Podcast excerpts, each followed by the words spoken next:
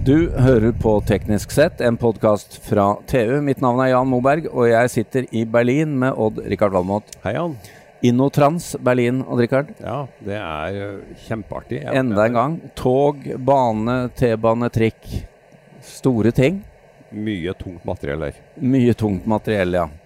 Og eh, men, men det er jo sånn eh, fra min togtid og bruk hjemme i Norge at det er mye som ikke henger sammen når det gjelder disse store systemene. Ja, det er det. Er det. Vi kommer fra en siloverden. En siloverden, ja. ja da, da snakker vi digitale data, ikke sant. Og nå skal vi snakke med en eh, kar som har ansvar for å lage en avansert appstore for ikke bare togindustrien, men, uh, men også resten av industrien. Ja. Uh, welcome to you, Stefan Kemper, Siemens Mobility. Welcome. Hi, it's a pleasure being here live from the InnoTrans. yes, it's, it's a great. pleasure for us as well. And uh, you're head of the strategy for for this uh, Xcelerator program in in Siemens, and for we just introduced you as an advanced app store, but you might want to correct that of course, thanks a lot for having the opportunity to talk to you. Yeah, Siemens Xcelerator is much, much more than a pure app store. It's a whole concept of an open business platform, a digital business platform. So we invite partners, customers, and software developers to create new applications, to create new solutions for the rail industry. Why? Because in the past, the rail industry was pretty much in silos and the, it was a lot of legacy systems, especially on rail infrastructure, also on the trains, and even on the passenger side, for let's say booking ticketing, uh, tickets, or for journey planning, and so on and so forth. And the new Xcelerator with uh, Siemens, we are opening up now. We are creating APIs to connect software and hardware. We put all the modules, all the software into the cloud and we do not want to be closed anymore. And the marketplace is a place where you can meet our customers, where we can meet partners, and where we can, of course, also provide apps, applications. And we also will change over time the business models because apps, as you know from app stores, will be sold as as a service models. You yeah. can, mm. like on Spotify, you can subscribe and download an app and this is something we will do with our Railigent X Xcelerator and also with mobility software. Yeah, so what you're doing now is actually getting more out of already existing systems by having them open up and talk together. Is it that simple? That is that simple. And I give you a nice example. For example, for rerouting and rebooking, you are sitting on a train and there is a failure in the, for example, in the infrastructure. A point machine is failing and then there is an automatic message sent, for example, to the train planning system saying, oh, there is a delay of 35 minutes or even more. And the passengers get automatically a push notification on their handy, on their smartphone, with a rerouting and rebooking option.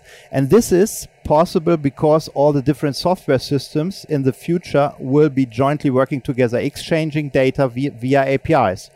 In the past, everything is, is separated there is a point machine monitoring and so on and so forth. There is like the booking system differently from the TMS traffic management system. And we want to create a joint experience together with customers and partners. It almost sounds like a dream. It is. Uh, but, uh, but will you also cooperate? But, but you know, I'm a strategist. We need dreams, we need visions to come through, even it takes decades in the rail industry. Yeah. No, it's yeah. not it's a slow moving industry. It's a slow, but we are accelerating. We are moving up fast now. Let's hope so. yeah, uh, you, you are working with partners, of course, yeah. like Bane Nor and uh, yeah. and a lot of other guys. But will you eventually invite uh, competitors into this system as well? That's a tricky question. Yeah. Because uh, of, I mean, yes, of course. I mean, if it makes sense, look into a big network like in the UK. There are so many different train operating companies with all different fleets from different uh, manufacturers. And we have, let's say, the Thameslink fleet, which are almost our trains. And there are 5,000 trains coming into the network over the last years, which were uh, bought or brought new into service. And we are opening up, we have train fleet monitoring for Thameslink, but other competitors can also use it. It's a modular software we can plug and play and bring in other fleet uh, fleets from other manufacturers. So yeah, we will open it up if it makes sense and if mm. there is a is a value add for the whole network in a country like UK, Norway, like Germany, like Switzerland, we will do. Mm. Will will this sharing of information and flow of uh, uh, sensor data and everything will that prolong life of existing material, or do, do you have a larger gain of buying new equipment? And and of course, Siemens would like to sell new equipment, but what's what's the dynamics there? I mean, the dynamics there is um, we are talking about the IoT world, Internet of Things, and we have to connect trains and we have to connect rail infrastructure. And this is, let's say, also the foundation to being more digital. Without connectivity of a train, of the infrastructure, all these great use cases will not work. And that's the same also with the passengers passengers should also open up to share data because this data of mobile phones is of utmost also importance to increase let's say availability and reliability of the system because sometimes if there's a connectivity not given a twitter message of there is a train delay also helps us yes. to detect something which comes not automatically from a train or from the infrastructure. Mm. So everyone in this ecosystem is highly welcome to share data to make this rail experience and traveling more comfortable and also, let's say, more reliable. I, am getting the feeling that this, uh, I've seen this once before in, in the financial industry, mm -hmm. where there are actually mainframes sitting down in the basement today, yep. working on old, old software and uh, where information flows through APIs up to mo modern systems. Yeah. Is that fair to a fair uh, comparison? I mean, mainframes BS 2000, it's 25 years ago when I was a student in uh, Siemens Nixdorf computers. Yeah. It's a long time ago. And it was also a long time ago out of mainframes coming into new modular software, microservices based architectures, and this kind of stuff. It's a long way to go, but it's a similar process which we are doing in the railway industry. Yeah getting out of these old mainframes and having a new layer with open APIs and new modern art uh, operating systems in between. Yeah. Mm. One question about um, uh, how this has um, come about. I mean, can you name us a company that or operation that has uh, come the farthest in using uh, using data and, and all the IoT and making good uh, systems out of it, good use? You mean from operators' yes, point from of operators. View? I think the Eurostar is a nice example uh, mm. for especially on the mainline ticketing, on, on journey planning, on, on dynamic pricing, and we're also proud with with Sqills, our software company, that we we help Eurostar to get a very reliable service. Yeah. As I mentioned, Thameslink is a very nice example where lots of data from the train and comes together where we can do prediction of the train health status and can also do then maintenance uh, in the de uh, depots and to, to, to guarantee also availability of the system and increase punctuality. Yeah, there are all around the world some nice examples. And if we come later on also to Bane Nor with the infrastructure uh, in the cloud in the future with the new ERTMS system will be also very great for, for higher reliability of the whole system. Yeah. Yeah, yeah. We're uh, we've come a long way with the ERTMS in, in Norway, yeah. but it's still mm. uh, many years before we really yeah. start up. Yeah, but at least it's a good start of digitizing a whole country and network and yeah. replacing old legacy systems. And this is, as I said, the foundation. The apps come later on top of it. Then mm. the, let's say, to, to optimize the system overall. The connectivity and the, let's say, the architecture uh, of, uh, of the railway uh, systems underneath, it's important. Which part of uh, of the value chain do you find the hardest to to engage or to digitize? Uh, coming from a classical engineering world in the rail industry to a software driven IT and, and data driven world. That's it's a big change. It's a cultural change in the whole industry.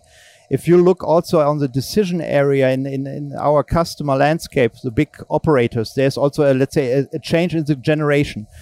They had a lot of engineers there, but now they are coming up the new generation of digital natives, the younger guys, and they know that applications and APIs become more and more important. And that's uh, why we also see that time now to drive this journey towards an, an open ecosystem. Yeah. And uh, and the uh, railway industry, when we talk about that industry, should have a, a, good life in ahead of them with with the climate change and everything that's needed. So yeah. do you experience that as well? Exactly. yeah. yeah. So we are really experiencing currently a boost. There are stimulus programs all around the world. Mm. Uh, uh, public transport is becoming more and more important. Now it's a, a big contributor towards climate change with a great CO2 footprint compared to all other mobility sectors. Yeah. And then we're also talking about what's going on in the legislative uh, branch, and the EU is putting on down down new programs, and and is is how does that work with your initiatives? Uh, it works quite well because the EU also foster cross-border traffic on public transport. They're also, let's say, driving interoperability topics. They're also saying we need to open up, we need to build ecosystems instead of operating in silos, not only within the industry, also across industries. And it's also what we do, for example, that we use, and we are a, a tech pos, uh, podcast here, that we use AI topics, cloud topics from, from broader Siemens, because let's say there are other uh, industries where artificial intelligence, cloud systems, cybersecurity is much more advanced, which we also can ap uh, apply then for the rail industry, and we can learn from other industries as mm. well. Yeah. yeah. about other industries. We're, we're mm. talking about the rail industry now mm. because you, yeah. you are based there. But uh, Siemens have a, have a products for a lot of industries. Yes. Is this a Siemens wide uh, initiative? Exactly. Siemens Xcelerator is across all industries, across all Siemens businesses, a big launch which has taken place by our um, uh, Dr. Roland Busch, who's the, the head of Siemens or the CEO and it uh, is since since uh, June when we started the Xcelerator, the Open Digital Business Platform. And yeah, there are other, industri- other industries where we reuse, for example, also cybersecurity methods like hmm. penetration mm. testing, intrusion detection, where we use AI algorithms uh, from from our software or digital industries parts we can learn internally so much and apply these technologies then for the rail sector. Yeah. Which industry would you say has come the farthest in in applying these kind of methods to work together? I think it's uh, in the industry environment. There are a lot of great manufacturers uh, or the automotives who uses lots and lots of, of data, also uh, using digital methods within their production processes and and uh, highly automated and and we can learn from it and we can also learn how apps are being deployed on devices, how apps or edge devices are being managed. And this is something, of course, we are in the safety and security critical world. That's why we need this also special cybersecurity measures. But nevertheless, yeah, uh, we can apply a lot from other industries. But it's pro probably hard to compare because the auto industry, they end up selling the car. Yeah. While the rail industry, they Provi end up transporting passengers for decades. Exactly. After yeah. that. Yeah.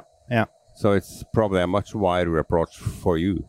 It is, of course, because the the whole value chain is much broader, as you rightly mentioned, with the passengers, also with servicing trains. We have contracts where we need to, let's say, service trains up to 40, 50 years, yes, yeah. until the next generation of trains are being produced or manufactured, yeah. So it's a complete long, longer life cycle and a bit different scenario. But in terms of software, updating software on, on automotives like Tesla is doing it, this will also come into the rail industry. Yeah. Mm-hmm. Dispatching software on the trains, doing remote configuration and servicing. Yeah. To which degree does it matter that the rail industry is pretty much uh, driven by um, public tender offers? Yeah, I mean, uh, it's the nature of our industry that we have in the public tender business because at the end of the day the trains are also run by taxpayers money uh, mm. and we need to take care that what we are doing and providing is also not just wasting taxpayers money and i like it but in some cases it's a bit critical when it comes to speed because yeah. public tender and sales processes are pretty long oh. yeah so digitalization is all about speed public tender is a, sometimes slow, but nevertheless, it's, it's the nature of the industry. But this initiative with Xcelerator business sounds like you can have a, a separate kind of speed uh, going on in parallel with with all the other offers. We wish to have it, especially where we uh, where the connected systems are already available. Well, Stefan Kemper, thank you for uh, advising us on all this, and good luck with uh, destroying the silos. Thanks a lot for having me. Thank you. Thank you.